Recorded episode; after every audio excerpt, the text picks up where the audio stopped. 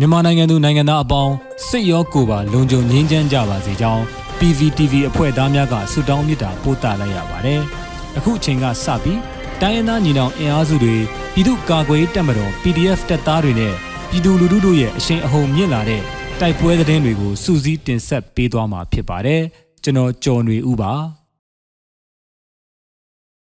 ပထမဦးစွာ ချင်းတွင်းမြေအတွင်းအကြမ်းဖက်စစ်တပ်ရေရင်အုပ်စုပြစ်ခတ်တိုက်ခိုက်ခံရတဲ့တဲ့တင်တင်ဆက်ပါမယ်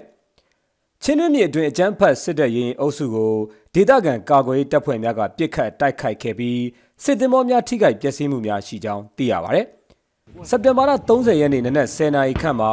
အေယာဝတီမြေကျောင်းမှချင်းတွင်းမြေကျောင်းအတိုင်းမုံရွာဘက်သို့ဆန်တက်လာတဲ့အကြမ်းဖက်စစ်တပ်ရေရင်အုပ်စုကိုဒေသခံကာကွယ်ရေးတပ်ဖွဲ့များကလက်နက်ကြီး60မမနှလုံး မိုင်တန်းမမရှိထွက်ပြင်မိုင်15လုံးတို့ဖြင့်တိုက်ခိုက်ခဲ့ကြောင်းပထမ point တွင်ရှေ့ပြေးထွက်လာတဲ့ flag ခွန်နှစ်စီးကိုစတင်တိုက်ခိုက်ခဲ့ကြောင်းဒုတိယအကြိမ်စစ်သင်္ဘောအားရှေ့ထွက်မိုင်းများဖြင့်ထပ်မံတိုက်ခိုက်ခဲ့ရာမိโกများထွက်လာပြီးအင်ဂျင်တစ်လုံးပျက်စီးသွားကြောင်းတတိယ point တွင်တိုက်ခိုက်မှုကြောင့်လေယာဉ်စီပေပါများတင်ဆောင်လာသောမော်တော်ယာဉ်မှာမီးလောင်ပျက်စီးမှုရှိကြောင်းသိရှိရပါတယ်။ဆက်လက်ပြီးပခုတ်ကူအင်မင်ရွာမှာတက်ဆွဲထားတဲ့စစ်တပ်ပြစ်ခတ်တိုက်ခိုက်ခံရပြီး၃ဦးသေဆုံးတဲ့တဲ့တင်တင်ဆက်မှာပါ။ မကွေးတိုင်းပခုတ်ကူမြို့နယ်အင်ပင်ရွာမှာတက်ဆွဲထားတဲ့အကြမ်းဖက်စစ်တပ်ကိုဒေသခံကာကွယ်တပ်ဖွဲ့များကလက်နက်ကြီးများဖြင့်ပစ်ခတ်တိုက်ခိုက်ခဲ့ပြီးစစ်သား3ဦးသေဆုံးကြောင်းသိရပါဗျ။အင်ပင်ကြီးရွာမှာတက်ဆွဲထားတဲ့စစ်တပ်ကိုဒေသခံကာကွယ်တပ်ဖွဲ့များကစက်တင်ဘာလ30ရက်နေ့မွန်းလွယ်3နာရီခန့်မှာကင်းထောက်တပ်ဖွဲ့ဒရုန်းတပ်ဖွဲ့လက်နက်ကြီးတပ်ဖွဲ့အော်တိုပျောက်ကြားတပ်ဖွဲ့များဖြင့် မြေပြင်ဝေဟင်တို့မှဖိအားပေးပစ်ခတ်ခဲ့ပြီးအပြန်အလှန်ထိတွေ့မှုတနာရီကျော်ကြာမြင့်ခဲ့ကစစ်တပ်ဖက်မှ3ဦးသေဆုံးပြီး4ဦးထိခိုက်ဒဏ်ရာရရှိခဲ့ကြောင်းသိရတာပါ။ကြာရင်စိတ်ကြီးမှာ drone ဖြင့်ဘုံကျဲမှုနဲ့တိုက်ပွဲများဖြစ်ပွားမှုကြောင့်ခမရ43နှစ်တရင်မှုဒုဗိုလ်မှူးကြီးမျိုးကိုကိုဝင်းဒဏ်ရာရဗိုလ်ကြီးတဦးနဲ့တပ်သားတဦးလည်းတေဆုံးတဲ့တဲ့ရင်ဆက်လက်တင်ဆက်ပါမယ်။ ကရင်မျိုးသားအစည်းအရုံး KNU တပ်မဟာ6နေမြေကြာရင်စိတ်ကြီးမြို့နယ်အတွင်းစက်တင်ဘာလ30ရက်နေ့ drone ဖြင့်ဘုံကျဲမှုနဲ့တိုက်ပွဲများဖြစ်ပွားမှုကြောင့်ခမရ43နှစ်တရင်မှုဒုတိယဗိုလ်မှူးကြီးမျိုးကိုကိုဝင်းဒဏ်ရာရရှိသဖြင့်စစ်ဆေးရုံမှာတက်ရောက်ကုသနေရပြီးဗိုလ်ကြီးတဦးနဲ့တပ်သားတဦးတေဆုံးခဲ့ကြောင်းသိရှိရပါတယ်။ စက်တင်ဘာလ30ရက်နေ့ကြာရင်စိတ်ကြီးအဝင်ဖြစ်ပွားတဲ့တိုက်ပွဲမှာဗုတ်ပြင်းမြို့နယ်ခမာယ43နှစ်မှာဒုဗိုလ်မှူးကြီးမျိုးကိုကိုဝင်းဟာ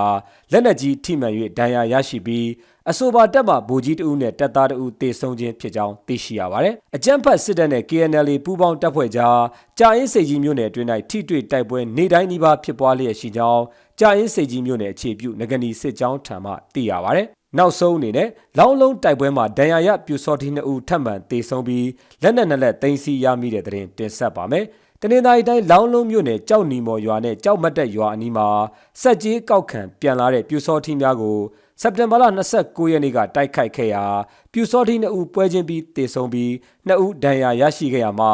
အဆိုပါဒဏ်ရာရပြူစောတိနှစ်ဦးလည်းထပ်မံတေဆုံးသွားကြောင်းလောင်းလုံးပြည်သူ့ကာကွယ်တပ်ဖွဲ့ထံမှသိရှိရပါတယ်။